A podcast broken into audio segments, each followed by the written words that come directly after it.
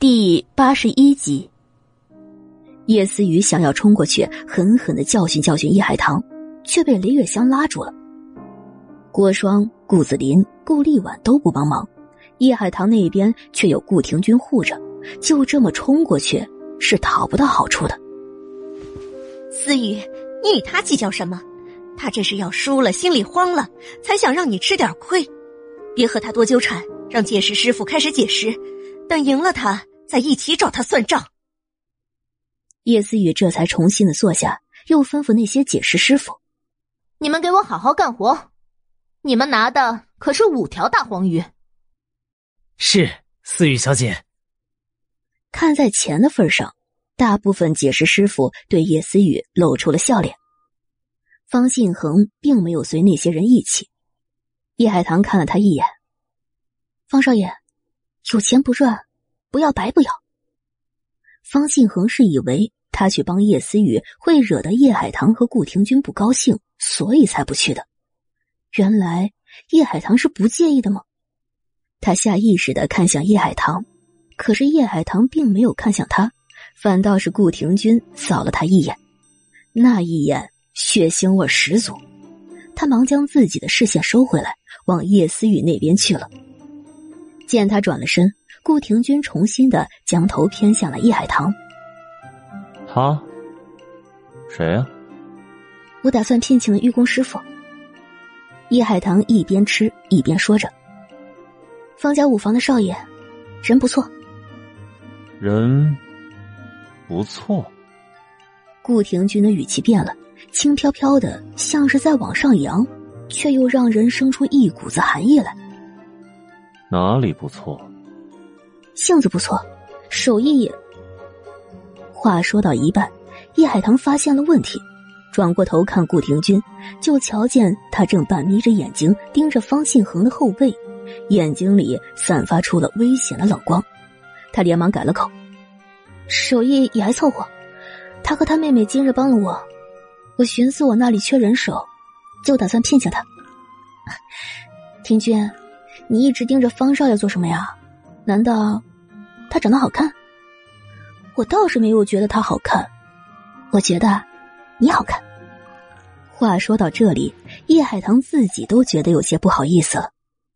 这男人连睡觉时都戴着一张面具，他哪里知道他好不好看？不过是怕这个男人找方信恒的麻烦，这才刻意的说出了这样的话来讨好他。为了多一个御工师傅，他也是不容易了。你怎么知道我好看呢？我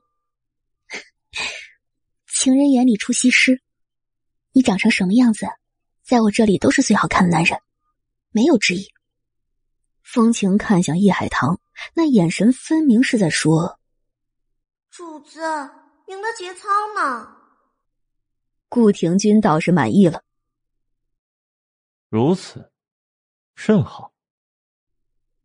叶思雨那边已经给二十位玉工师傅都分好了原石，所有的玉工师傅都拿了一块原石开始干活了。见绿，见绿了！第一个玉工师傅在原石上用毛笔画了一条线，然后按照那条线一刀切下去，就有人喊了起来：“水头城钟老，这是块好石头！”雷月香马上不遗余力的给叶思雨的脸上贴金。我早就说过了，我们家思雨啊是天生贵气，百开百中。见绿了，见绿了！第二个将石头切开的玉石师傅那里也有了动静。这还是紫罗兰，好漂亮的紫罗兰啊！可惜有条大裂，这块原石本来也不大，不然这价值就大了。天啊！出货了，出货了！芙蓉种，纯正的芙蓉这是高货中的高货，冰州冰州翡翠，哦，思雨小姐果然是贵不可言的人，这都解了快十块原石了，一块毁的都没有，全都出货了。一个又一个的好消息出来，叶思雨脸上的笑容越来越大，神情也越来越得意。雷月香更是笑得合不拢嘴。顾立婉已经开始琢磨着。等会儿赌局结束后，向叶思雨要拿几块原石了。顾子林和郭双见叶思雨选出来的石头全都出了货，眼里也流露出了一些不一样的东西来了。第八十二集，当二十个解石师傅将手里的玉石解到叶思雨喊停的程度，便有人将这十块原石拿过去，让四个评判细细的查看后。商量出一个价格，用红布写了，记在了石头上。第一轮，二十块石头无一废石，价值最高的是那块芙蓉种。第二轮马上开始。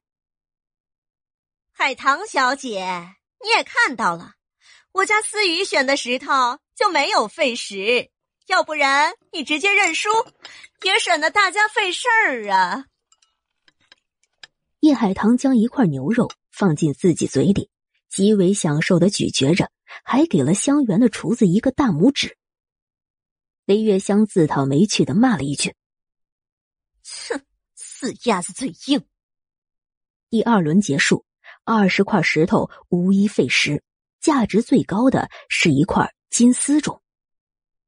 这一次，雷月香倒是没说话，却有一家店的掌柜对方信恒道。方少爷，听闻你家店里也有一块金丝种的原石，不知比起思雨小姐挑的这块如何？这块金丝种可是在我店里随便选的一块。方信恒没有答话，只认真的解自己手上的原石。因与叶海棠结交了，他很不希望自己解的石头出货，但是还是失望了。擦了个口子，就看见里面的绿丝。瞧着又是块不差的，海棠小姐觉得如何？那掌柜的却不依不饶的去问叶海棠，他也是想借机宣传下自己的铺子，却因一时得意忘了叶海棠如今是谁护着的人。叶海棠头也没抬的开口：“放心，从你家铺子出来的那块破石头，不过是假的金丝种，指甲盖大小的东西。”也好意思说成是一整块金丝种，还想和方少爷店里的金丝种比？你差远了。假的？这下不只是掌柜的，所有人都觉得有些不可置信。那么明显的金丝种的特征，怎么会是假的？叶海棠，你怎么知道是假的？啊，我看的。他的确是看的。从江里被异父异母救回一命之后，他发现自己多了一个特异功能，能够感受到常人不能感受到的东西，能看到旁人看不到的东西。这种能力在他治病救人上的表现时，他只需要抓着病人或者伤患的手，就知道他是什么病，是哪里伤了。若是能再看看伤口。脑子里甚至会浮现出伤口里面的组织都是怎样的，是哪里出了毛病。比如说骨头断了，从哪里断的，怎么接才能接的最好，这些不过是一摸一看就全知道了的。当这种能力被用在赌石上，他的手放在石头上，脑子里就会浮现出石头里面是什么样子的。若是不用手接触原石。只要在原石上擦个窗口，再用眼睛从窗口看过去，也是一样的。叶思雨选石头靠的是身后那个有经验的高手，而他选石头是想要什么种就选什么种，想要什么地就选什么地，想要什么色就选什么色，想要价值多少钱的就价值多少钱的，可不就是成了真正的随随便便却百挑百中。而叶思雨挑中的这块所谓的金丝种，还真就是个水货。你看着就能知道这是假的，你诓骗谁呢？顾立婉满脸的不信，不只是顾立婉，大部分的人也都是不信的。哼，海棠小姐这是知道自己要输了，连这种烂招数都用出来了，也不容易呢。假的都能被你当真的用，你也不容易。若是不信，你们可以慢慢擦，看看能不能把一块假的金丝镯擦成真的。叶海棠都这样说了，叶思雨如果不擦，脸上是过不去的。给我擦！他倒是要看看，等下打谁的脸。第八十三集，负责这块原石的解石师傅只能将石头重新拿回来。他随便的选了一个地方就开始擦。他当然也不相信这块金丝种是假的，可是擦了皮却果真没有见绿，就不甘心的继续擦，越擦越深，反而越擦越差了。裂，很多裂，虽不是大裂，但是细细密密的，简直和废石没什么不同。他抬起头，见叶思雨如毒蛇一般的盯着他，赶紧的换了地方再擦，但是。还是一样的结果，最后忍不住一刀从中间切下去，里面却真的脏成狗。不管中间了，往第一次擦出了金丝种的那边一刀刀的切过去。每切一刀，众人的视线就紧盯着，切毁了就发出一阵叹息声，再切一刀，又是一阵叹息声，最后切到不可能再切一刀的程度。假的，这金丝种竟然还真是假的！海棠小姐太神了，只看一眼就知道金丝种是假的，我们都没有看出来，她才是高手中的高手。神什么？我看他就是个妖孽！好好的金丝种被他一说，剩下的都废了，都是他害的。他，雷夫人，你的手疼吗？顾廷钧忽然来了一句，慢悠悠的将自己的枪放到了桌面上。还是嘴巴也想疼疼。雷月香吓得身子一抖，嘴巴立马闭上，那只受伤的手也立马的藏了起来。叶思雨只能颇为尴尬的笑了笑。这一次倒是我看走眼了，不过没关系。不算这块石头就可以了，不算这块石头，我也能赢了海棠小姐。毕竟我已经解了四十块石头，有三十九块都出了货，没有金丝种，我还有芙蓉种呢。叶海棠已经用完了饭，这会儿正用叉子叉着一块水果吃着。听了叶思雨的话，不急也不恼，只是望着他，笑得意味深长。嗯我就继续安静的看着你装，看着你尽情的表演你那愚蠢的自信。反正你现在越得意，等会儿就会哭得越惨。叶思雨实在不喜欢叶海棠那种目光，就将自己的视线收回来，落到了那些解石师傅的身上。继续解。第三轮解石，为了避免再出现假石的尴尬。解石师傅们都是不等叶思雨那边有什么指示，首先就是先把皮给扒了，再决定怎么解。这样一来，速度倒是比之前慢了一些。好在质疑声也消失了。最后，二十块石头里废了五块，还有十五块出了货。难得的是，又出了一块芙蓉种。叶海棠打了个哈欠，昏昏欲睡。顾廷钧挨了过去。若是累了，可以靠着我的肩膀睡一会儿。嗯。叶海棠毫不犹豫的抱住了顾廷钧一条手臂，将自己的头枕在了顾廷钧的肩膀上。男人的肩膀很宽阔，让他觉得很是安稳。最重要的是，他可以用这种方式告诉对面的顾子林，他和顾廷钧很好，让他少打自己的主意。总是盯着自己看什么的，最令人讨厌了。顾子林没想到叶海棠竟然会当众和顾廷钧那么亲密，眼里燃起了火来。该死的女人，这还没嫁给顾廷君呢，就抱着顾廷君睡觉。哼，不要脸的贱货！当初那么想要嫁给我，现在却和顾廷君那么亲密。为什么和他亲密的人不是我？为什么他靠在顾廷君肩膀上睡觉的模样，让我妒忌的都快发狂了。顾廷君像是察觉到了来自顾子林的情绪，他往旁边一伸手，伞。是，大少帅。赵副官小跑着跑回到了一号车里，拿出一把黑色的大伞，回来之后递到了顾廷钧的手上。顾廷钧将伞打开，放到身前，将他下巴往下的身体都盖住了，也将叶海棠盖得严严实实的。天哪，这这是第八十四集。出什么了？是帝王绿吗？是不是解除帝王绿了？哇，真的解除帝王绿了！这叶思雨小姐说是天生贵气，还真是半点不假呀。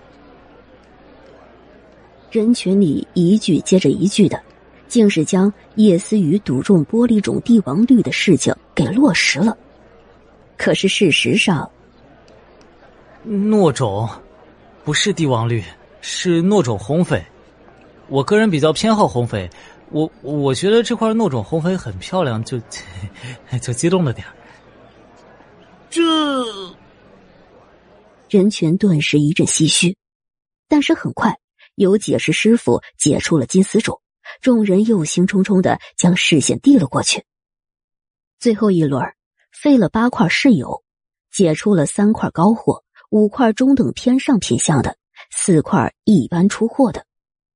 至此，叶思雨挑中的一百块石头全部解完，没有帝王绿，也算不得百开百中，因为还废了十三块石头。但有八十七块原石出货，若是只按照种地来分，这八十七块原石中有冰种两块，冰糯种两块，高货芙蓉种三块，高货金丝种一块，剩下的就是其他种地。评判几人核算了几遍后，报出了叶思雨这一百块原石的总价值。叶海棠，现在轮到你了。除非你能像我一样挑中这么多的好原石，否则你不可能赢我的。虽然没有赌中帝王绿，但是光两兵五诺也足够战胜叶海棠了。或者你干脆不解了，直接向我认输。你向我跪地求饶的时候，我还可以考虑给你留一条贴身的小裤。叶思雨说这话的时候，有些忌惮的看了顾廷钧一眼，但是眼睛里的得意和讽刺之色却是并没有褪去。他也是想告诉顾廷钧，叶海棠马上就要身败名裂了，他最好不要再继续的坐在叶海棠的身边，赶紧扔下这个贱丫头走吧。叶海棠只是微微的勾了下嘴角，提前认输，不是我的风格。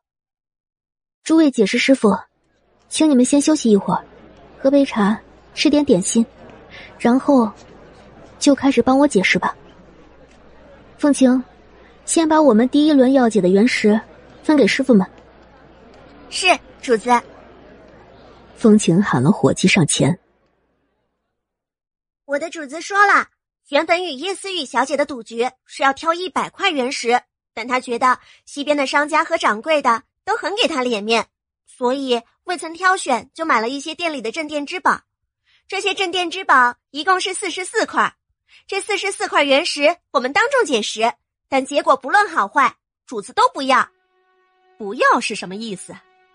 意思这四十四块石头就算出了货，也不算入总价值中。是吗，雷夫人？这是什么意思？你们也太欺负人了吧！说是赌局，可从一开始你们就占了原石数量多、原石好货多的东西。等海棠小姐花高价买了我们西边这边各个店铺的镇店之宝，你们又不想将这批原石计入总价，这赌局对海棠小姐来说未免也太不公平了吧？这又不是四块原石，是四十四块，你们不是叫嚣着一定会赢吗？何必还玩这种手段？莫非是怕了？方九小姐，莫气。他们一个老妇，一个孕妇，全当是我可怜他们，让着他们好了。这四十四块原石，不计入总价。叶海棠也才刚刚睡醒，这话说到后头就带着懒懒的感觉，好像是在迷迷糊糊中随便拿了个主意似的。海棠小姐，方红影还想劝叶海棠几句，可见叶海棠都已经没看向他了，也只能闭上了嘴巴，心里却很是着急。第八十五集，以为叶海棠是个奇女子。这怎么还是个傻的呀？没了那四十四块镇店之宝，就靠着他随便挑挑拣拣的那些石头，能赢吗？我的选择是不是错了？哎呀，算了，不管叶海棠这赌局赢不赢吧，左右叶海棠是绝对可以结交的朋友。已经选择了，我就不会后悔。雷月香和叶思雨的脸色都不太好，但是也没再说什么话。解石师傅们开始解石，很快就将这四十四块原石都解了出来。废了三块，出了一块冰种，两块冰糯种。方信恒店里的那一块是金丝种，余下的也都不差，至少都是能起价的好货。叶思雨稍稍有些紧张，没想到西街竟然也能出高货。如果这些原石计入总价，没准叶海棠还真有可能会赢。毕竟，叶海棠那边还有五十多块石头没解呢。哼，可惜叶海棠那个贱丫头蠢，轻易就中了母亲的计，将这四十块原石扔了出来。那么，贱丫头再想赢，除非太阳打西边出来。倒是有几样好东西，后面的有把握吗？叶海棠已经醒了，但是还是有些乏。睁着眼睛靠在顾廷钧的肩膀上，顾廷钧没有动，手里的大伞也没有收，周围和后面都是自己的人，唯一能看得到的前面被伞给遮住了，正方便他将叶海棠的小手捏在自己的手里，像是把玩玉器一样的把玩着。都当枕头了，拿点回报也是应该的。嗯。媳妇儿的手是又滑又软，不错。你信我吗？叶海棠伸手抓住了顾廷钧军装上的一粒扣子，没什么精神似的问他。顾廷钧扫了一眼那些原石，嘴角一勾：“嗯，信。那就继续解释吧。”风情，分原石。是主子。风情喊了伙计一起，将二十块原石送到了解石师傅的手上。搬运原石的过程中，还再三让伙计小心，又一一的嘱咐解释师傅们要拿出十二分的精神来解石。哼，那么几块破石头，竟然还有三块蒙包料，我看出货的可能性都不大。他还以为将架势摆足了，就能把废石解成帝王绿，不要脸！评判让伙计给这二十块原石标了号，不算之前的那四十四块，自然就从一号开始。标完号，又将写着号的二十张纸都送到了叶海棠的面前，让他决定这二十块原石首先采用哪种解法。都拿走，不用再问。我剩下的这五十六块原石，全擦。什什么？顿时，所有人都惊呆了。叶思雨直接讽笑出声：“叶海棠，我看你是一点都不懂原石，也不懂解石吧？全擦！你知道这么多的原石全擦要擦到什么时候吗？擦，就是用最小心翼翼的方法，一点点的扒了皮壳，再慢慢的打磨。这是解石中最费时间的一种。”通常只有对待极品甚至超极品的货才会如此慎重的对待。可叶海棠随便选的时候，张嘴就要擦，还五十六块全擦。叶海棠，我看你是故意在这里跟我们耗时间吧？你以为把时间耗的长一些就不会输了？哼，你做梦！既然是没什么价值的石头，那就每一块都随便切几刀。定好价格，算清楚，赶紧把后面的事情办了。日头西斜，本夫人可没空跟你们一起耗到晚上。哼，那就切几刀。顾子林也来了一句。叶海棠把头从顾廷钧的肩膀上抬起来，端端正正的坐好了。面前长桌上的饭菜已经撤走，放在上面的是一些瓜果点心和香茶。他就隔着这些东西，清冷冷的看向对面。大帅夫人、二少帅、顾小姐、雷夫人，在场这么多双眼睛看着呢。这场赌局是我和叶思雨之间的。雷夫人想着帮自己的女儿说一说话，也就罢了。你们三个人若是想做决定，就做叶思雨的决定，也就罢了。可我的事情。跟你们有什么关系吗？你们凭什么替我决定？第八十六集，顾立婉气得张嘴就想骂人，郭双的脸上也有些挂不住了。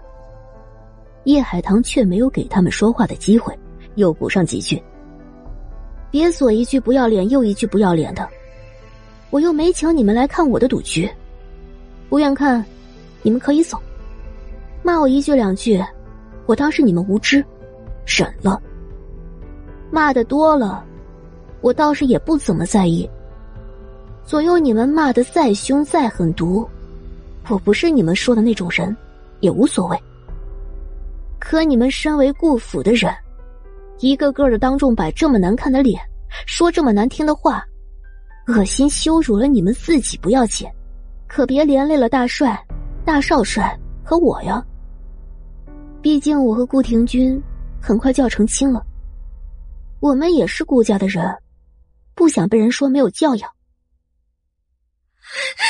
叶海棠，我听得见，大帅夫人，您可别喊，这种事情也不是谁喊的高声，谁就有道理的。叶海棠的视线在那些解石师傅的身上扫了一圈。我说擦，擦吧。好，好，好，擦！我让你慢慢擦，我倒是要看看你今儿能擦出什么花来。郭双的眼里，警告和威胁的意思极为明显，但叶海棠并不在意。他早就得罪了郭双和顾立婉了，得罪一次是得罪，得罪两次、三次也是得罪。他是站在顾廷钧身边的，与他们。本就是敌人，撕破了脸皮，以后要做什么事情还省事些。这不是折磨人吗？我不解了，工钱我也不要了。这时，却有一个解石师傅不干了。这会儿不干，那就是在表明立场，偏向叶思雨那边，又或者说是偏向顾家大房那边。有了一个，就又有五个人站了出来。其中三人直接说不干，一人说自己家中有事，需要早些回去，另一个人只推说自己的手受了伤，这会儿赶不动了。但不管是有理由的，还是直接翻脸的，叶海棠只是淡淡的扫了他们一眼，看向剩下的人：“还有不干的吗？不干也无妨，我再给你们一次机会。但如果开始干了，却又中途反悔的。”那就莫怪我追究了。剩下的十四个解释师傅，你看看我，我看看你，最后又走出去五个。至此，愿意留下来帮叶海棠擦石头的，也就只剩下九个人了。方信恒还在这九人之中。风清，重新分原石。叶海棠的脸上一点生气的意思都没有。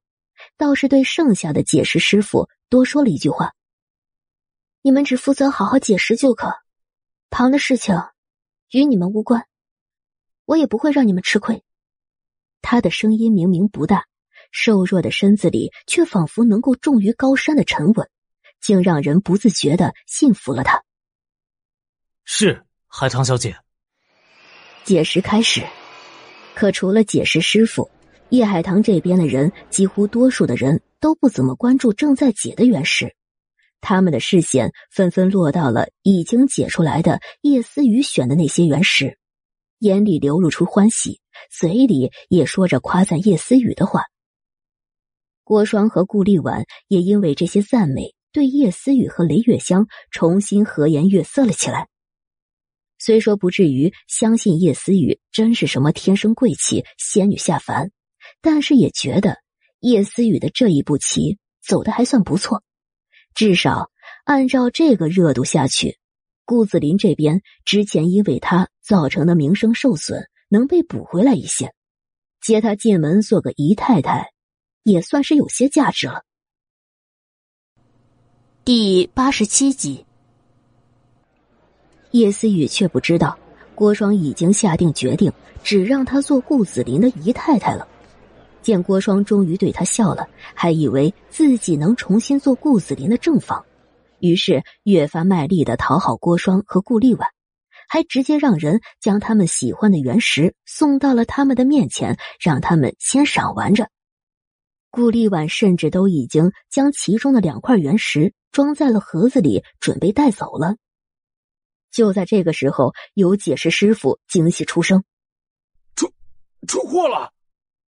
第一声刚起来，第二声紧接着跟上来，见绿了！我这边出货了，我这里是高阳绿，绝对的高阳绿，冰糯种。我这块也是冰糯种，糯种，冰糯种，冰糯。第九个解释师傅赶紧加快了动作擦，他这块石头比别的大一些，第一次选的地方擦出来了，虽不差。但是有裂，只能重选一个地方擦。众人已经被吸引过来了。天哪，不会是真的吧？九块原石，八块冰诺。不不不，是九块冰诺，我这一块也是冰诺种，也是的。第九个解释师傅的声音比前面八个人都响亮，而且也更激动。叶思雨等人都不约而同的站起身来。啊，九块冰诺种，这怎么可能？东街那些刚开没多久的新店，店里面就稀稀拉拉几十块石头，还能从中间挑出九块冰诺种来？叶海棠不会是找人作弊了吧？你们可别故意帮着叶海棠骗人！我告诉你们，这众目睽睽之下可做不得假。扒皮，全扒！全擦出来看看，就只擦一个角，谁知道是不是假货？叶思雨无疑是最激动的，他自己出过假货的笑话，这会儿就污蔑叶海棠制造假货。叶海棠也不恼，那就擦的明明白白的，让众人和对面的都看清楚吧。解石师傅继续去擦。每个人都是小心翼翼的对待手里的原石，这可是比金丝种要贵重的冰诺种，是距离冰种都只差一点水头的冰诺。这些东西做成成品，那可都是高货。又过了一段时间，九块原石全都解得敞亮的不能更敞亮了，没有一块假货，都是真真的冰诺种。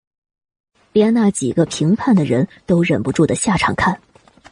这冰诺虽然不算特别稀罕，但是一次见九块高品质的冰诺种问世的，这还是头一遭。叶思雨稍稍有些慌了，九块冰诺种价值很高了，若不是他还有几块冰种撑着，叶海棠已经赢了。叶海棠，你你怎么会有这么好运气？这一定是瞎猫碰上了死耗子，哼！可一下开出了九块冰诺种，我看你的运气也到头了。接下来肯定全都是废石。叶海棠连眼神都没给叶思雨一个，只是说道：“这九块放下，继续吧。”半刻钟后，情景重现。冰诺，我这块又是冰诺种，还是少见的燕子。比之前思雨小姐解出来那块紫罗兰要好得多。紫罗兰算什么？我这块要不是有一丝丝的混，那绝对可以够得上冰种了。哎，我这块是红翡，但种地冰诺只上不下的。叶思雨的脸都气白了，尤其是忽然出现了一声：“哦不，我这块不是冰诺，是冰种。我这块也是冰种级别的。这不可能，不可能！”叶思雨站起身来，就往那些解释师傅那边亲自去查看。可是每看一块，他的脸色就白一分。只看到第五块，他就差点倒了下去。十八块的原石，十六块的冰糯种，两块冰种，这已经赢了他。不可能！叶海棠很满意叶思雨的反应，还故意的勾起嘴角说道：“可我这人，就喜欢把不可能变成可能。”师傅们辛苦了，麻烦你们继续。第八十八集，再继续，开出来的却是清一色的冰种，九块冰种，再再继续还是冰种，全场都沸腾了，甚至连顾子林带过来的长枪队的兵都忍不住的将脖子伸长了往场上看。叶思雨全身都颤抖了起来。他提出赌注的时候，没想过自己会输，可一旦输了，赌注落到他自己身上，他太清楚那会多惨。我一定是不小心睡着了，这是在做梦，这是在做梦，这不是真的。叶海棠就是个贱丫头，她怎么可能赢我？她在破落殿和地摊选的石头，怎么可能最低种也是冰诺？不可能！啊。你说这个呀，这个吧，只是因为冰诺种以下的，我都看不上。他瞧见方敬恒的脸色有些尴尬，又补了一句：“不过，方少爷和方小姐送我的不算，有人送的，不管是怎么品相的，也是价值连城的。最低也是冰诺，叶海棠你也太嚣张了吧！切出来的这些原石最低是冰诺。”不代表剩下的也是冰诺或者以上的，说不定是废石呢。如果叶海棠赢了，那么他可就得不到自己喜欢的原石了。不过他现在也不喜欢从叶思雨那里得来的原石了，他想要这些冰种的原石。叶海棠，我也和你打个赌，怎么样？如果你最后十块原石里面有一块冰诺以下的，就算你输，你的这些原石。就得全部给我。风情用看白痴似的目光扫了顾丽婉一眼。主子为什么刻意留十块原石到最后？那当然是因为这十块是最好的冰诺。顾家小姐这大概只是想找上门来被打脸。那如果顾小姐输了呢？我输了，我就承认你是天生贵气，上苍之女，仙女下凡。我还当众给你道歉。他把叶思雨想要的东西放在了叶海棠的身上，所谓道歉也不过就是一句话，还是他占大便宜。叶海棠转过头去问顾廷君：“你觉得怎么样？”随你高兴。好，我答应。解释吧。帝王绿，我这块是帝王绿。玻璃种，玻璃种的帝王绿啊！是玻璃种。最后九块全是玻璃种的极品，甚至是超极品。叶思雨直接晕过去了，顾丽婉都气疯了。郭双想直接走人以保全自己的脸面，却对那九块玻璃种的原石不舍。美丽的东西，不论男女都喜欢。美玉更是有魅力，让人人为之痴迷。尤其是比黄金价值更高、更美、更贵重的玻璃种帝王绿。在众人无比崇拜的目光中，叶海棠缓缓的站起了身来。和我打赌的二位小姐，该履行你们的赌约了。谁先来？顾立婉将身体往后一缩。什么赌约？我不知道。众目睽睽的，顾小姐想赖，你要赖也没事儿，左右你赖账，损的也不是我的名声。丽文，道歉，给海棠道歉。顾子林一把将顾立婉抓起来，几乎是拖拽着来到了叶海棠的面前。海棠，我真是，真是没想到，你还是赌石高手。叶海棠却后退了两步，坐回到了顾廷钧的身边。道歉吧，我受得起。顾立婉知道今日是逃不过了，只好不情不愿的朝着叶海棠喊了一句：“是。”我看错了你，你是赌石高手，行不行？这可一点诚意也没有。但是叶海棠并不介意，顾立婉就是中途送上来的一张脸，他顺手打几巴掌就够了。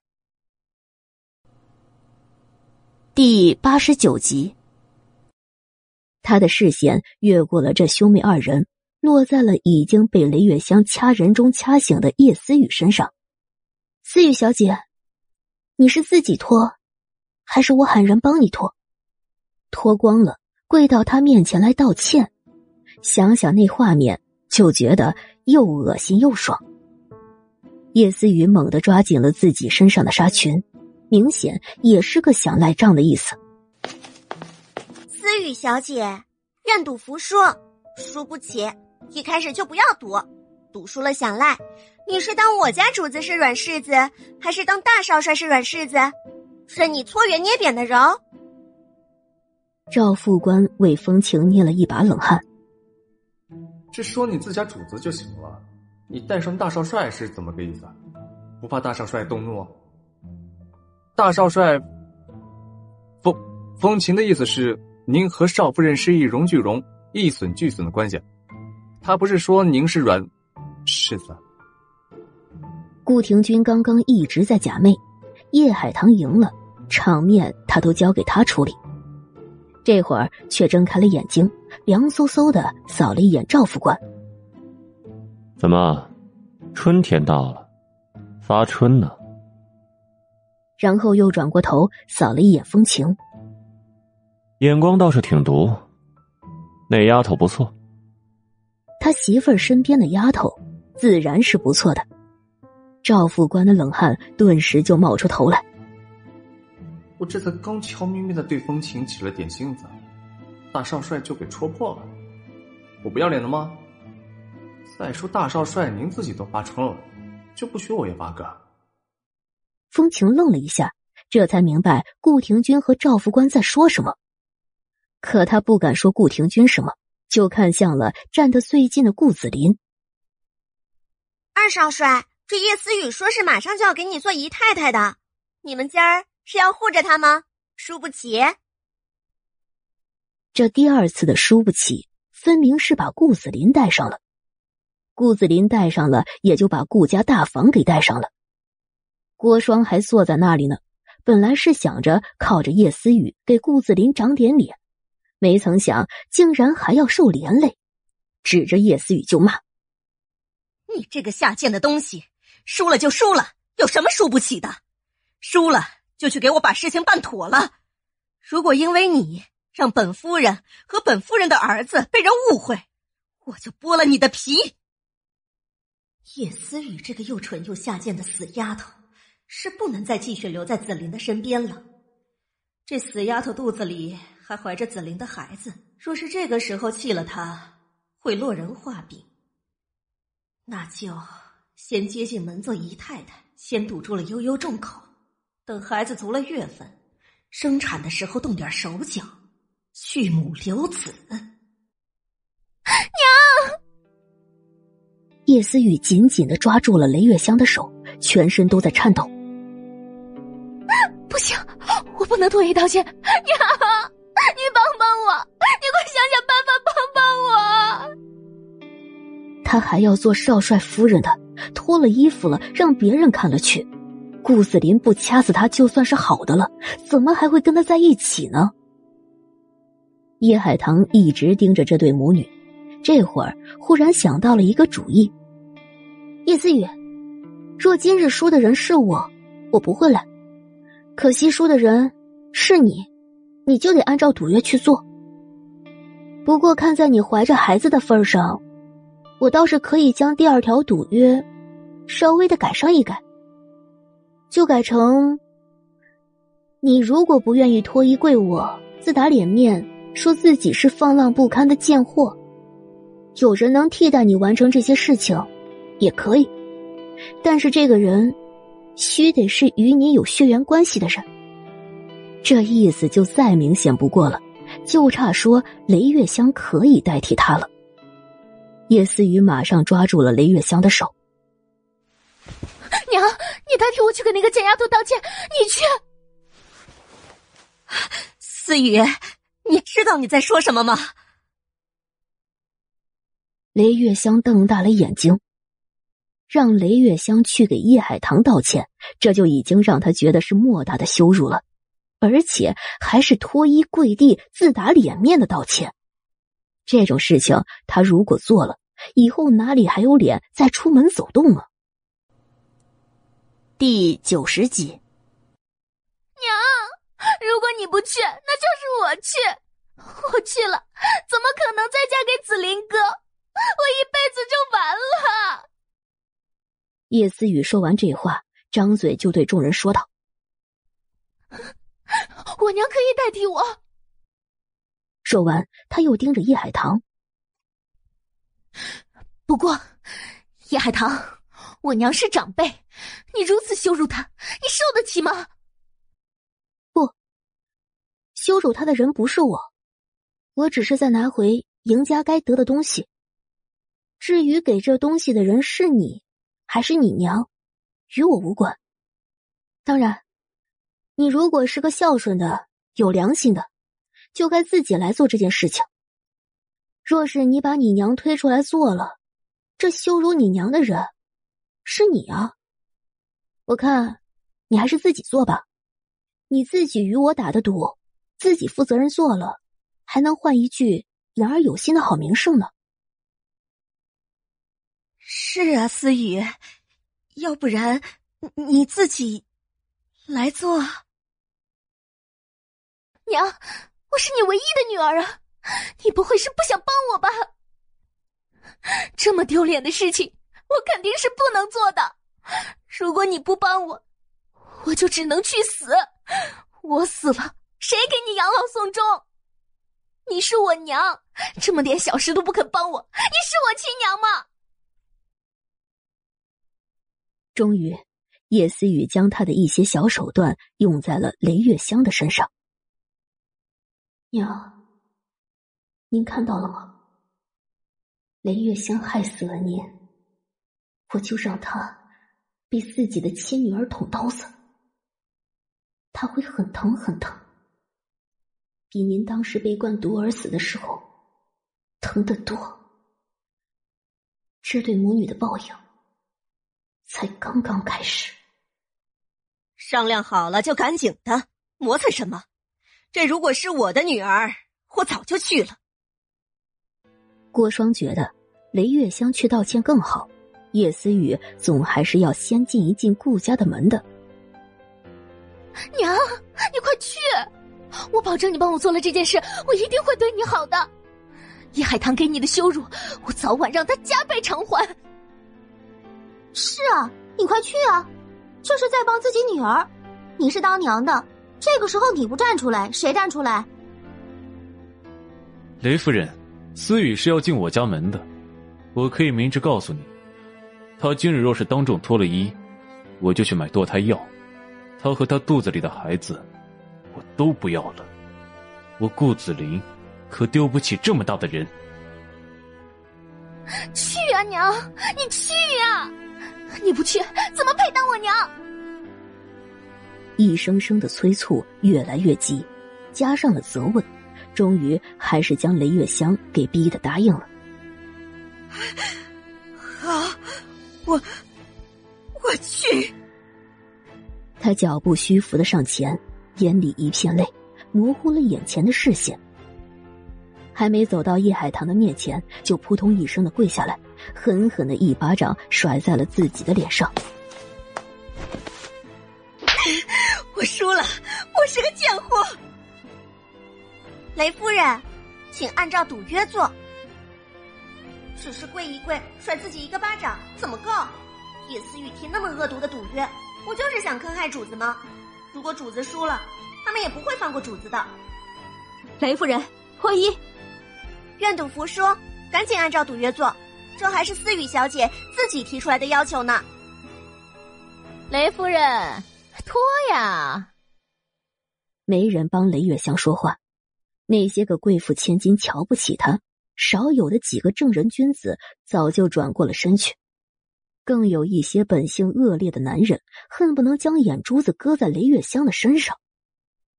这可是香城首富最喜欢的女人呀！为了这个女人，叶远红可是舍了当初那么优秀能干的叶静兰，如今又连亲生女儿都不要了。这雷月香，嘿嘿，许是真有什么讨男人欢心的本事，许是身子不错，不看白不看嘛！抓住机会看看清楚。感谢小耳朵的收听与支持。本专辑是免费更新版，想要解锁收听本作品更多精彩内容，可搜索同名专辑《少帅夫人》，她又美又飒，VIP 快更版（括弧真的很快很快哦），或打开本专辑简介，点击蓝字直达，一次听过瘾。第九十一集，雷夫人，你不脱，这赌约可就还得思雨小姐亲自来啊！听到这话，叶思雨竟然是不管不顾的上了前，蹲在雷月香的面前就撕她的衣服。娘，你帮我，就帮到底。也不知道是雷月香慌的忘记了反应了，还是叶思雨的力气太大，动作太快，竟然很快的就把雷月香扒的只剩下了一件艳红的肚兜和遮羞的小裤。注意到四面八方投过来的视线过热。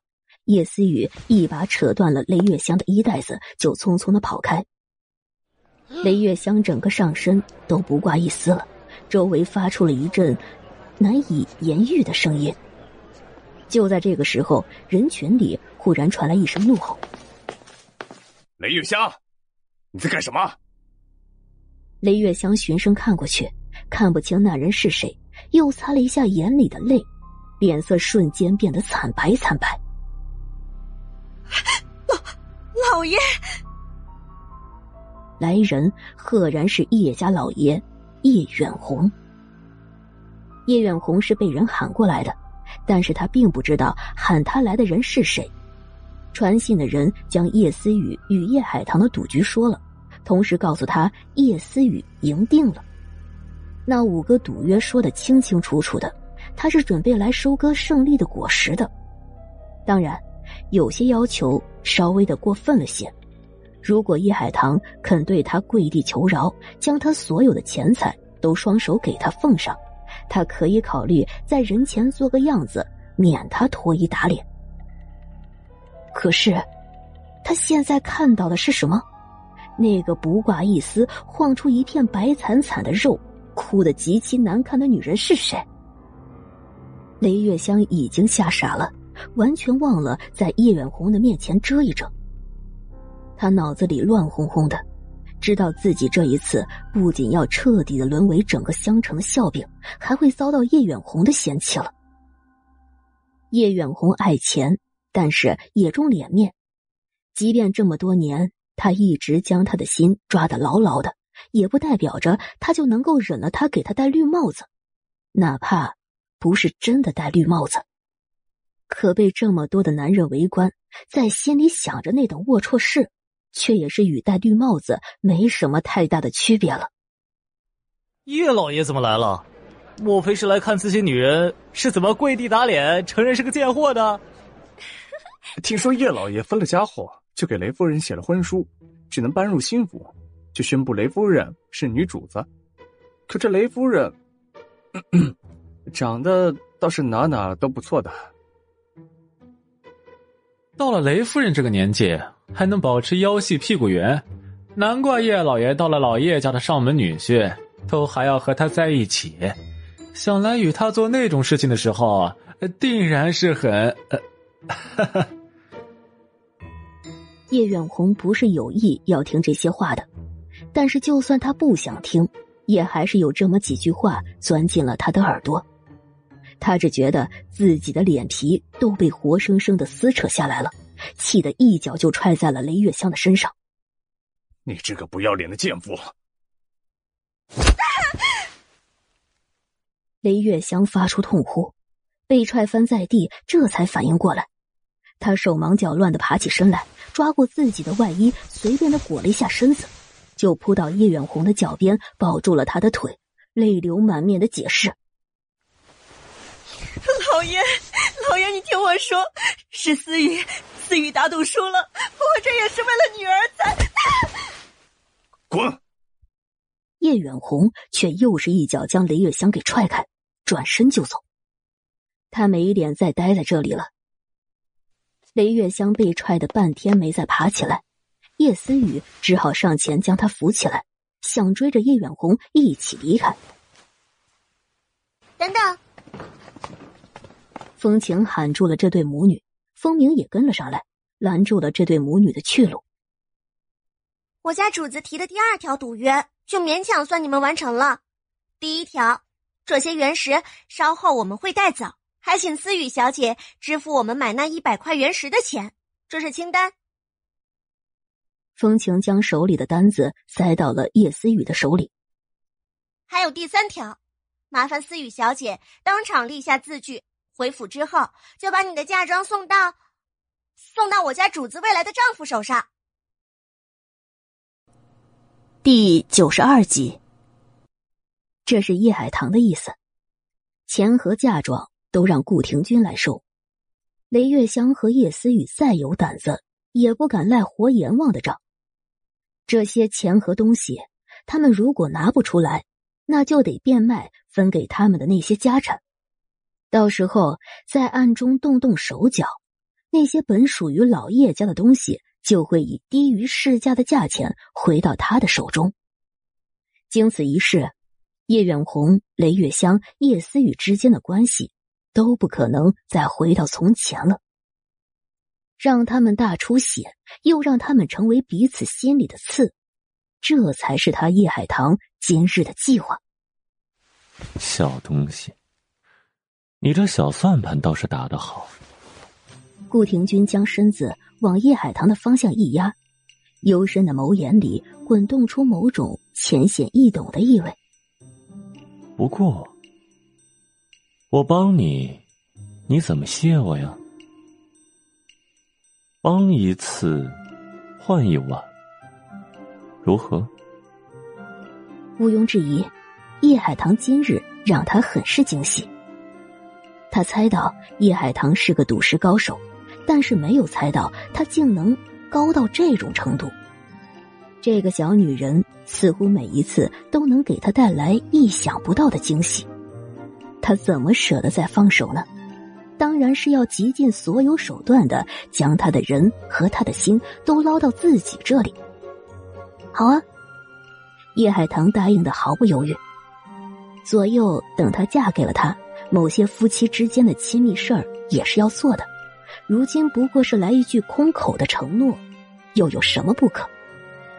他今日心情很好，一来是没想到这赌石大会真的有这么多的好原石，二来又当众教训了叶思雨等人一顿，让他们没脸，还看了这一出接一出的大戏，这心里头就是一个字儿，爽。顾廷钧的心情也好了，大手一挥，去拿纸笔给叶思雨，等他立完了字据。你们再去几个人，跟着他去叶家，把糖糖赢来的东西搬到他的院里去。是，大少帅。赵副官习惯了帮顾廷钧处理各种事情，这一次也是他先开口应道，然后再将具体的事情安排下去。纸笔送上去，叶思雨再觉得难堪羞辱，也只能当众写了字据，这才灰溜溜的钻出了人群。可五百零一号车已经带着叶远红离开了，他们只能硬着头皮去喊黄包车，但是没哪个黄包车人力夫愿意拉他们母女，最后还是顾子林咬牙将他们带走了。顾立婉将装在盒子里的原石抱出来，让风情拿走的时候，那张脸黑的仿佛能滴下墨来。郭双走的时候，恶狠狠的瞪了顾廷钧和叶海棠一眼。顾廷钧直接无视，叶海棠回看了郭双一眼，却毫不惊慌，而且还灿然一笑，扎的这位心思阴暗的大帅夫人一阵刺痛。终于，那些最讨厌的人都已经走了。叶海棠给自己倒了一杯茶，正准备喝，有人小心翼翼的过来问道：“海棠小姐，您今日得的那些原石，能不能卖给我一块？玻璃种我是不敢奢望，冰种飘花的那块绿翡，卖给我行吗？我出高于市场一倍的价钱。我喜欢那块紫罗兰，我也想买。哎，哎呀，诸位。”很抱歉，原石我都不卖，一块也不卖。这也不是我故意的不卖给诸位，而是因为，我今日到这里来，就是为了原石。这里很多人都应该知道，我娘留下来的翡翠馆，如今已经到了我的手里。虽然是被烧光了，但是我很快就会在原址上重建。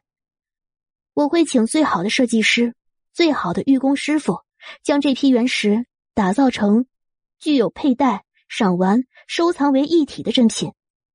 届时，欢迎诸位来翡翠馆赏玉，请玉。第九十三集，趁机给新翡翠馆打了一波广告之后，叶海棠就离开了。后面的事情，他的人和顾廷钧的人会一起处理好。他在这里耗了这么长的时间，也累了。想回去先休息片刻，而且今天晚上要开始对付叶老夫人了，他也得提前的做一些准备。时间到了夜里，叶远红、雷月香、叶思雨都还聚在叶老夫人的屋子里。老太太听说了赌石大会上的事情，已经发了好大一通脾气，这会儿接过了雷月香递过来的一杯茶。只喝了一口，又将茶碗摔在了桌面上。茶碗歪在那里，茶汤倒在了桌子上，又顺着桌面流到了地上。你说说你，这办的都是什么事儿啊？一个外请的人，便是有几分赌石的本事，那到底也是要赌运气的。如今我们被叶海棠那个小贱妮子连触眉头，好运气都被霉运挡了，你还让思雨去跟那个贱妮子下那种赌注？我原以为你是个机灵的，怎么连那贱妮子是在故意设计、出钱、出血、出脸面都看不出来呀？月下，我对你太失望了。还有你。我让你去顾家发个狠，将自己的身份抬一抬。这件事儿你没办好，又去找那贱妮子做什么？眼下你最大的事情就是进顾家的门儿，现在你的名声更坏了。你告诉我，到时候去了顾家，谁还能多看你一眼？娘，这次的事情实在是有些邪门儿。雷月香知道，这个时候不好好的解释一番，不仅叶远红从此会嫌弃自己，就连老太太也会对他不喜。那贱丫头真是个妖孽，都晓得赌石也是一种赌博，哪有十拿十稳的事情？可那个贱丫头就像是有眼睛，能看见皮壳里面是什么样子的，想要什么原石就挑什么原石，那么多的玻璃种。还都被他挑出来放到最后，人哪里会有那么神？那妖孽是有意坑害我和思雨，当时他赢了，逼着思雨拖，哎呀，去做那丢人的事情，我哪里能让自己的女儿丢人？就只能我去了。可我原本只打算脱一件外衣，意思一下就撒泼耍横走人的，却感觉到身体被一种无法抗拒的力量给控制住了。后面那些事情，真不是我愿意的呀！定是，定是那妖孽给我下了什么毒，或者是什么蛊。对，我当时也被那股力量控制了，不然我怎么可能跑到场上去扯我娘的衣服？叶思雨觉得雷月香找的这个理由很好，甭管做了什么，都说自己是个受害者不就成了？打赌的事情一开始就是那妖孽提出来的，当时我明明也是不想答应的，可不知怎么就答应了，还提出了那五个赌注。现在想想，都是那妖孽设下的陷阱。他是借我的口让我说出那些赌注，而后将这些赌注害在我身上，因为他一开始就知道赢的人会是他。对，就是这样的。分家的事情也是他先提出来，而后蛊惑我们答应，让我们将事情做得很绝，让我们被香城人骂阴狠恶毒，他成了受害者，可实际上却一点点的获取更大的利益和好处。奶奶，爹。娘，我们都被那个妖孽给害了。叶远红沉默了片刻。分家的事情，他是做的仓促了些，也没有考虑周全，这才让叶海棠用那么小的黄金钟来糊弄他。这件事儿确实透着邪门。我看他不是叶海棠，他就是江水里爬回来的一只水鬼，是实打实的妖孽。我们不能再把他当人看。得想想办法把这妖孽给除了。第九十四集，驱魔除妖的高人我已经去请了，明日就能到。老太太揉了揉有些发胀的太阳穴。今儿晚了，都回去，对付那妖孽的事儿，且看明日吧。是。娘，雷月香心里松了一口气，这就算是暂时的将事情给压了下去。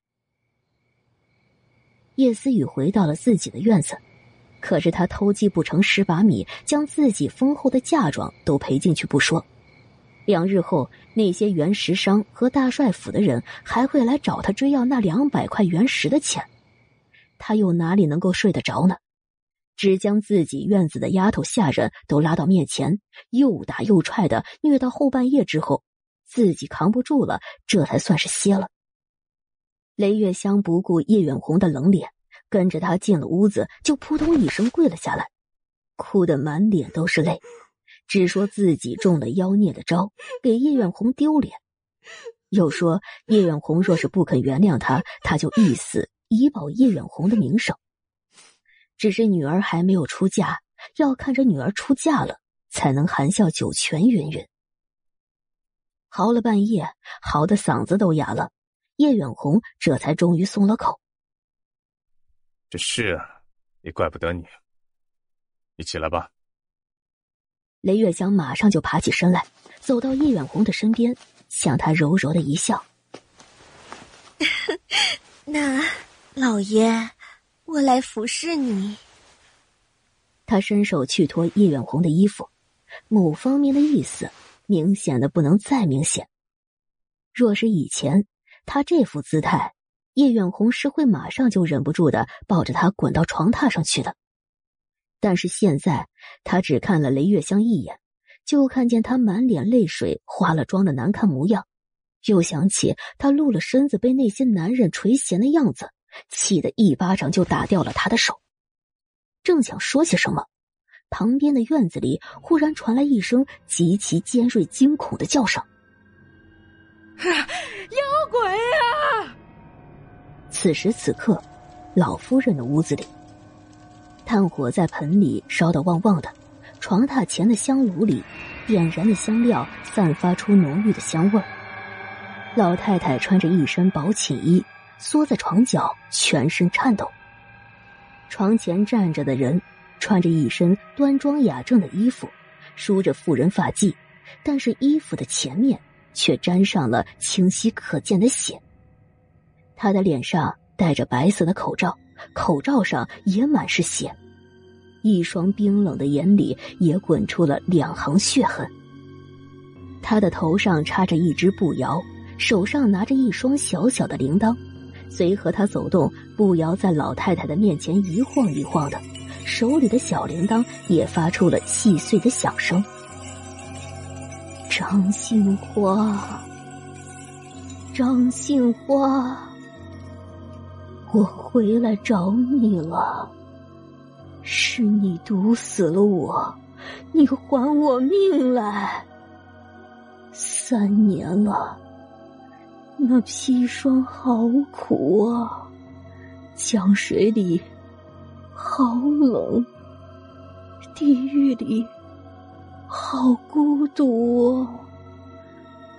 我向阎王爷说了我的冤枉，他许我上来带你下去问个话。张杏花。你还记得你是怎么杀死我的吗？那天你带人来给我灌砒霜的那天，你身上穿的是我亲手给你缝制的衣服，脚上穿的是我亲手给你纳的千层底的绣花鞋。头上戴的，是你去年过生辰时，我给你买的首饰。你骂我是贱神，说我占了雷月香的位置，我生的女儿占了叶思雨的位置。你们要我死，死前还在我的房里。安排了个死囚犯，污我清白。第九十五集，张杏花，你做的事情，阎王殿里都给你一笔一笔的记着呢。如今，你的阳寿就要到了，阎王爷让我上来，将你拖下去。上刀山，下火海，滚油锅。张秀花，你的死期到了，你将不得好死。一句一句从血衣妇人的嘴里说出来，明明声音并不大，连院外面收着的婆子和丫头都听不到。却像是极其恐惧的魔咒一样，钻进了老太太的耳中。叶静兰，叶静兰，你不要过来，不要过来！不是我，不是我，非要杀你，是你要断了思雨的前路，是你的错，都是你的错，我没错，没错，不要来找我。血衣妇人摇了摇铃铛。你没错，怕什么呢？来，跟我下去，向阎王爷说清楚。看见了吗？我们已经走在黄泉路上了。看，这周围都是血色的幽冥花，那边。是奈何桥，是去往往生的路，但是你没资格去。你坏事做绝，下辈子做畜生都没资格。牛头马面大哥，你们来了，快将张杏花锁上，红色的。里面滚动着血液的锁魂链，别锁我！不要啊！老太太朝着虚空中挣扎了起来，像是真的要被锁上。血色的锁魂链锁在了你的双手上，锁在了你的双脚上。跟着我们走吧。张杏花，我们现在来到了地狱的第一层。地面上满是尖锐的刺，你走上去，双脚被那些刺扎出的血，好痛，好痛啊！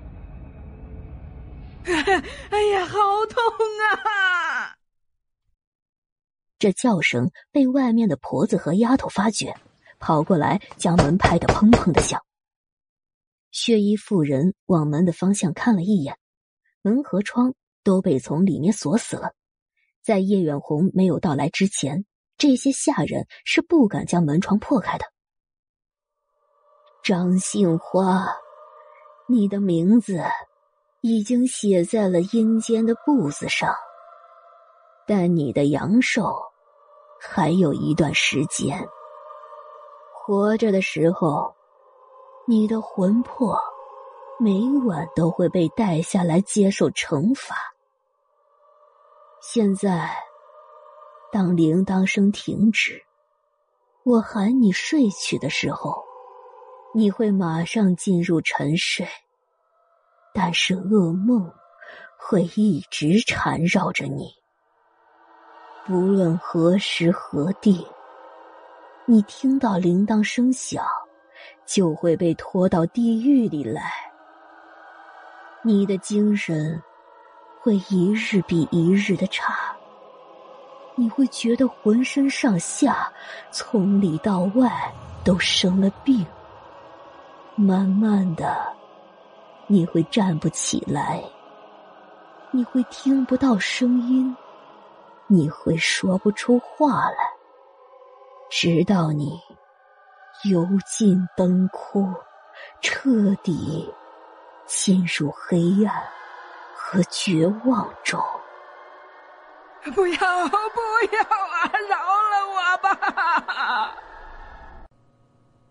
第九十六集。血衣妇人没有搭理他，只是猛地晃动了一阵铃铛后，骤然将铃铛抓到了手里，声音戛然而止。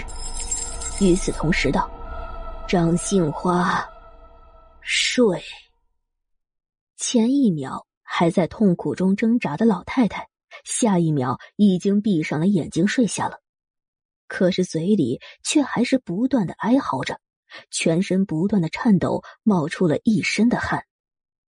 血衣妇人将口罩拿下来，露出一张清丽脱俗的脸，赫然就是叶海棠。他将头上的布摇拿下来，插到了老太太的发间，然后挪开老太太房间里放古董的墙架子，里面出现了一条暗道，他往那里走了进去。外面已经传来叶远红和雷月香的声音：“老太太怎么了？”你们都在外面干什么？打反锁了？那你们不晓得将门撞开吗？起开，撞门！叶海棠走进暗道里，墙架子也挪回到了原地，门就在这时被人撞开了。叶远红和雷月香都匆匆的冲到了老太太的床前，却发现老太太躺在床上，像是做了什么噩梦，被梦魇缠住。四肢不断的挣扎着，嘴里发出惊恐的叫声。娘，娘，你醒醒，快醒醒！叶远红抓住了老夫人的肩膀，摇晃着她，可是一点用都没有。逼不得已，只好让婆子舀来一瓢冰冷的井水，哗啦一声泼到了老太太的脸上。老太太终于被激醒，猛地坐起身来，又喊了一阵。这才看见叶远红和雷月香，他一把抓住儿子的手。有鬼呀！是叶静兰，叶静兰将我带到了地狱里去，那地狱里都是恶鬼，好可怕呀！娘，您胡说什么呀？什么叶静兰？叶静兰都死了三年了。您只是做了一场噩梦，现在醒了也就没事了。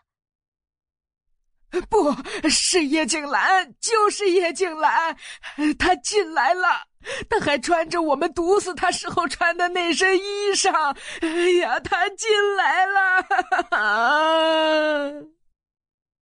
娘，您这屋子里门窗都是锁死的，屋子里还摆着菩萨，人进不来，鬼怪也不敢进来。我看您就是太劳累了，才会发梦魇。您还是莫要想太多。那叶静兰，他的话说到一半，忽然就打住，因为他抬起头，看见了老太太发间的步摇。那只步摇是叶静兰的步摇，是叶静兰被毒死的那一日头上戴着的那一只。他的脸色唰的就变得惨白。这是一只黄金打造成的金步摇，奢华贵气，钗头是凤尾的款式，下端还追着三条由一粒粒小金珠串起来的长流苏，就这么插在老太太的发间，突兀极了。当日毒死叶静兰之后，雷月香是想着把这只凤尾流苏金钗据为己有的。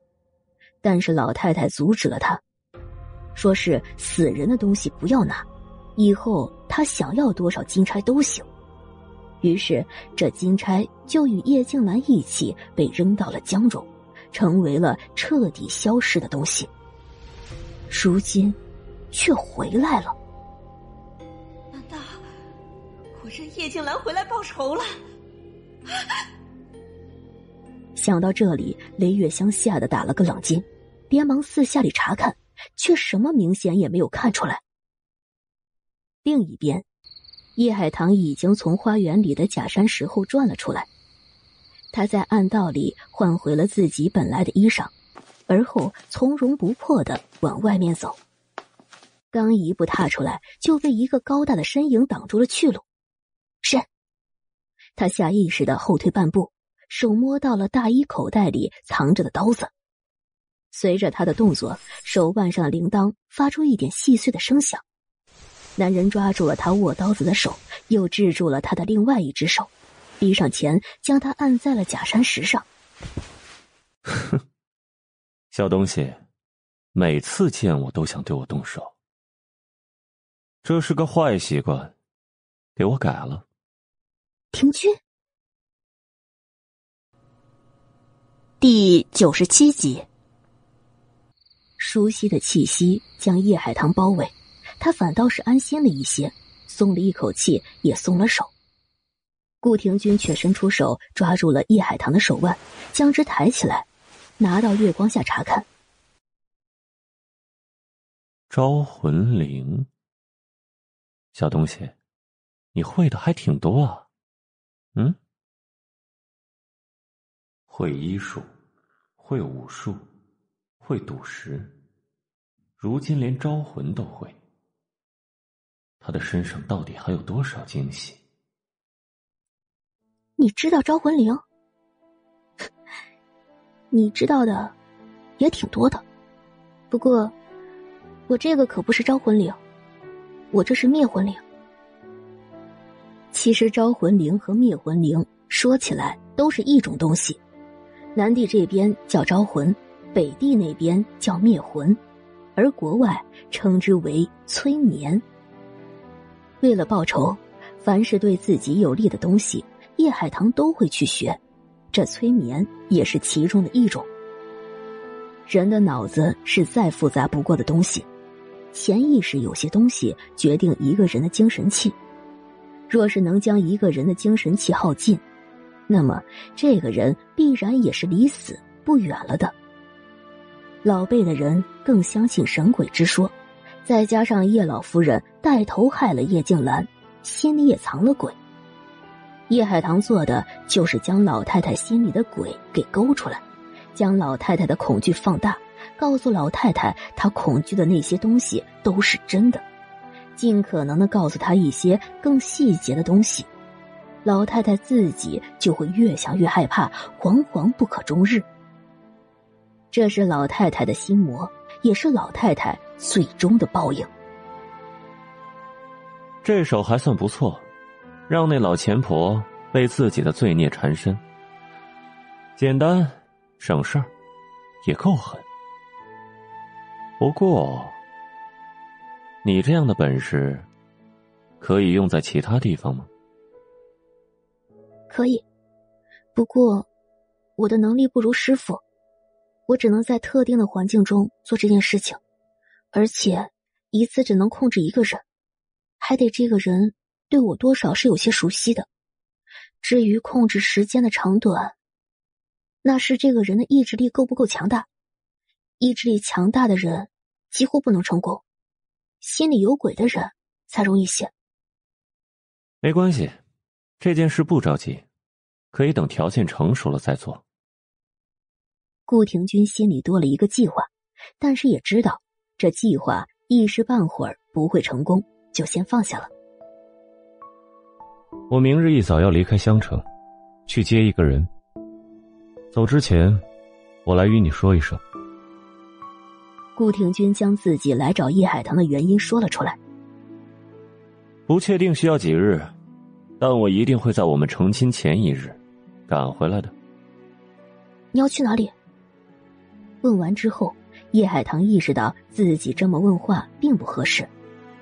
她还没有嫁给顾廷钧呢，怎么就管起了顾廷钧的行踪来了？即便是她嫁给了顾廷钧，顾廷钧这种人又哪里是她管得了的？于是他又赶紧开口：“呃，我的意思是，不管你去哪里，出门在外，注意安全。”嗯，你且放心。前次在江边遇袭只是一次意外，那样的意外不会再发生了。他抱了叶海棠一下，在他耳边低语道：“等我回来。”微微的偏过头，又在叶海棠的脸上印了一个吻。没等叶海棠反应过来，他已经退开，头也不回的走了。叶海棠愣愣的望着他的背影，好一会儿，才轻轻的吐出一个字：“好。”不过短短几日，叶海棠竟像是习惯了顾廷钧的存在。他说要离开，他的心竟是扯出来几分慌乱。明明他回来之前的计划里是没有这个男人的。活阎王，果然很可怕。他给叶老太太催眠，需要点上能够乱人心神的香料，借助从顾廷钧手上拿回来的母亲的一样遗物，再借助铃铛，还得打起十二万分的精神才能成功。可顾廷钧蛊惑他的心，却可以随时随地。轻松如意。第九十八集。这一日的晚上，老太太那院里的人一宿都没睡。下人找来一条纯黑的狗，取了血。老太太亲自将那只凤尾流苏金簪扔到了狗血里泡了好久，这才捞了出来，在院里挖了坑，将黑狗尸和那金簪一起埋了进去。办妥了这事儿。老太太的心才终于安稳了那么一会儿，她那双浑浊的眼眸沉了下来。很快就要那个贱妇生的贱种去死，死之前还要让他身败名裂。哼，那贱东西口口声声说我未成婚先有孕，可他自己还不是夜夜与那活阎王滚在一起？这是什么意思？我亲眼看见的，那活阎王每晚都会翻墙进来，在那贱丫头房里过夜。真不知道那贱丫头每晚对着活阎王那张丑到不能见人的脸是怎么睡着的。那就将计划改一改，下手之前先让世人看清楚那贱东西的真面目。第二日是个阴天，雨没有落下来，天空灰蒙蒙的一片。码头来了一条船，披着袈裟的和尚手里拿着一百零八颗菩提子做成的佛珠上了岸，往人群里一站，就大喝了一声：“那妖孽果真来了襄城，水鬼上岸，家破人亡，瘟疫横行，民不聊生。”高僧，您在说什么？有人上了前，小心的问道：“这话说的让人惊心，免不了有人想问个清楚。”和尚说了一句佛语，双手合十。阿弥陀佛，贫僧法号三修，来自香普寺。三年前，曾在这江边将一只水鬼以红线绑死，打回了江中。不想三年后红线断了，那水鬼竟又重新上了岸，潜入了香城。为免生灵涂炭，贫僧刻意赶过来，要对付这妖孽。什么妖孽？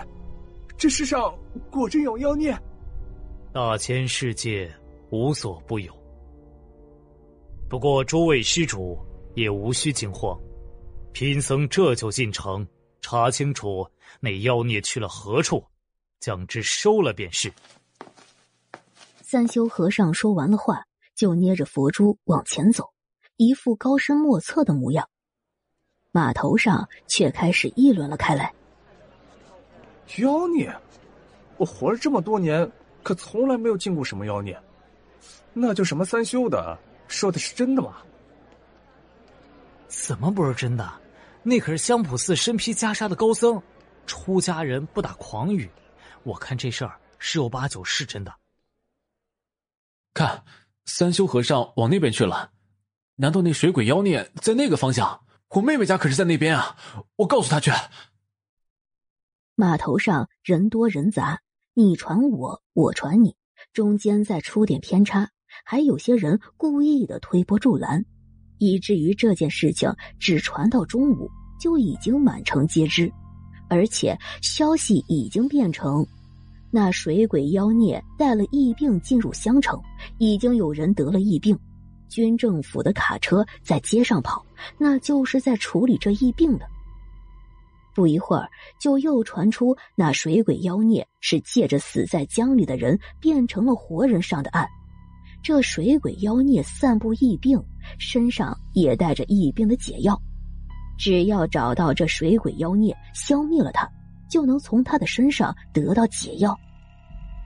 消息继续发酵了一会儿，就有人忍不住的将心底的怀疑说了出来：三年前在江中失踪，三年后又回来的，说的是啊啊，老叶家的叶海棠吧？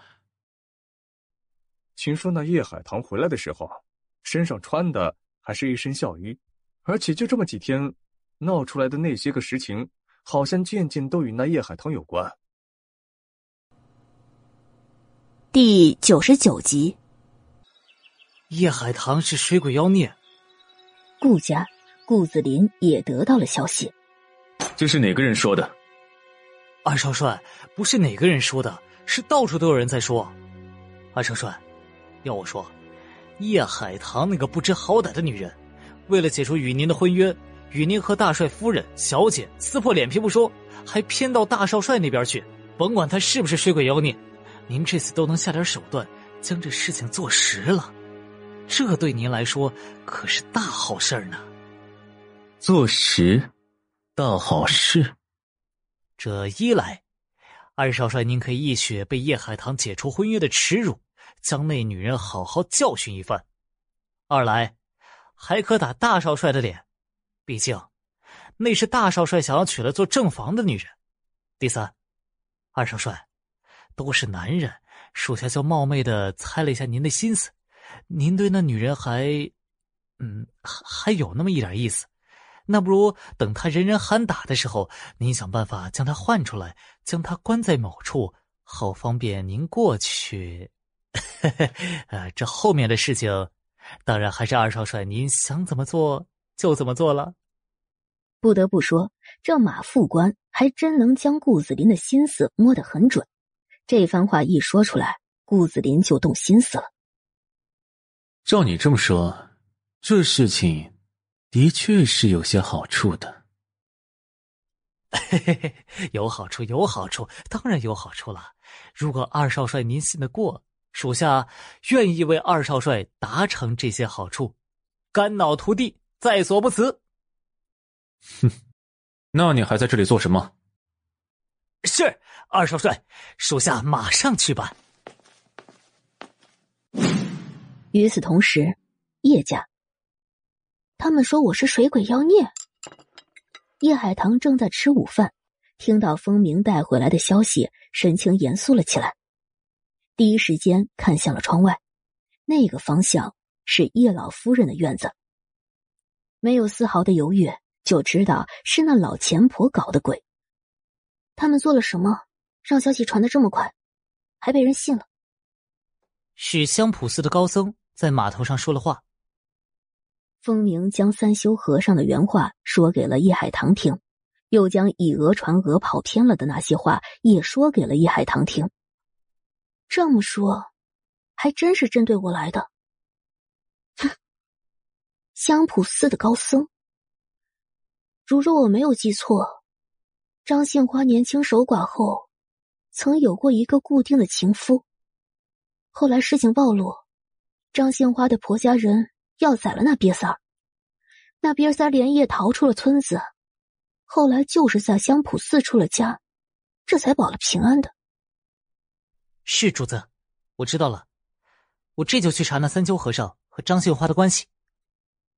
主子，今日外面事情多，我们便待在院里莫出去吧。那些卑鄙的东西，明着斗不赢主子，就用这种怪力乱神的无耻手段。叶海棠放下了筷子。是啊，他们连这种手段都拿出来了，又怎么会让我安安稳稳的待在自己的院子里呢？主子的意思是，且等等看吧。果然，没过多久，就传来城里疫病已经开始蔓延的消息。好多人吃过了午饭后，全身都起了红疹子，很快发热高烧，神志不清。这疫病发病很快，很快就从刚开始的几人变成了几十人、几百人，整个乡城都慌了。除了疫病，什么病能发的这么快？什么病能导致一家老小全都发病？比起怕已经不在乡城的活阎王，那些人自然是更怕死的。事宜很快，就有一大批的人跑到了军政府去请愿，另一部分人则是找到了三修和尚，跟着三修和尚一起去找这水鬼妖孽。三修和尚走得慢。每家每户门口都停一停，坐在门口念几句经文，又做一些个驱鬼驱邪的动作，既像和尚又像道士，分明看起来不伦不类的，偏偏就没人质疑。只因有人催他赶紧的把水鬼妖孽找出来，或是急的直接告诉他叶海棠是最大的嫌疑人，他却都是一副悲天悯人的姿态。说什么要仔细的查探，断不可冤枉了谁人。就这样，他从下午折腾到了晚上，又从晚上折腾到了第二日的上午，再到第二日的晚上，才终于走到了叶府门口。第一百集。这个时候，城中发病的人已经多达千人。更有数百人跟着三修和尚来到了叶府，他们举着火把将整个叶府都包围了。顾城中刚开始对这件事情没管，后来事情越来越严重，就赶紧的派了医生和大夫去看，倒是让一些人的情况有所好转了。可是很快就又严重，似乎这种疫病真的是反复发作，不可治愈。他只能派了军队过来，找到三修和尚，想要问个清楚明白。他自己也亲自的过来了。三修和尚在叶府的门口做了三遍动作，这才大喝了一声：“妖孽！这次看你往哪里逃！”是这家高僧，是这家对不对？是叶海棠对不对？三年前失踪，三年后归来的那人便是妖孽。滚出来受死！叶海棠，你这个妖孽，把疫病的解药交出来！高僧，快动手除了这妖孽，拿到解药救人啊！人群愤怒了，纷纷朝着叶家喊道。此时此刻，叶府里面却是也在对峙着。叶老夫人、叶远红、雷月香、叶思雨带着自己的一些人，将叶海棠的院子围住了。叶海棠坐在屋子里没有出来，风鸣守在院门口。院子里还有叶海棠的十个人，顾廷钧留下来的十个人。叶远红那边的人更多，但是叶海棠这边的人手里全都是火器，他们不敢轻易的上前，就站在院门口破口大骂：“该死的妖孽！我早就瞧出来你是个不对劲儿的。我家的海棠丫头哪里会是你这个忤逆不孝的样子？我告诉你，你这妖孽今日到头了！你给我出来！你这个妖孽！”你占了我姐姐的身体，还祸害我们全家！你出来！叶海棠的房门吱呀一声打开了，穿戴整齐的叶海棠站在门口，朝着院外这些人扫了一眼，一步一步的走过来，在五步远的地方停住脚。我出来了，你们准备对我做什么？叶海棠说话的时候，嘴角明明勾着一点笑意，但是却给人一种很阴冷的感觉。雷月香和叶思雨不约而同的往后缩了缩身，他们自己也觉得叶海棠过于妖孽，开始有些怕了叶海棠。妖孽，你为祸人间，散布疫病，如今东窗事发，还敢如此嚣张？叶思雨藏在叶远红的身后，盯着叶海棠那张让他极其妒忌的脸。香普寺的高僧已经到了叶府门口，你逃不掉了。若还是个识相的，就乖乖让我们把你绑起来，送到高僧手里。是吗？你们说我是妖孽，我就是妖孽吗？你们算什么东西？不过，我倒是有兴趣去看看你们请来的那位所谓的高僧，到底是个什么东西。这外面的动静这么大，时不时的还有枪响声。想必是军政府的兵也到了，正在压着闹事的人。他就算是不想出面，也不得不出面了。简直是胡说八道！你这妖孽在我们襄城兴风作浪，高僧是过来收你的，哪里是我们请来的？这贱丫头怎么如此聪明，竟然一下就猜到三修是我请来的人。不过。就算猜到又怎么样？只要他不承认，谁能怀疑到我头上？叶海棠这一次，哼，死定了！老太太，不用解释，解释就是掩饰，掩饰就是事实。您觉得呢？叶海棠往前走了一步，站在最前面的雷月香就吓得后退了一步。叶海棠再往前一步，雷月香又退一步。怕我呀？那就别挡在路上啊！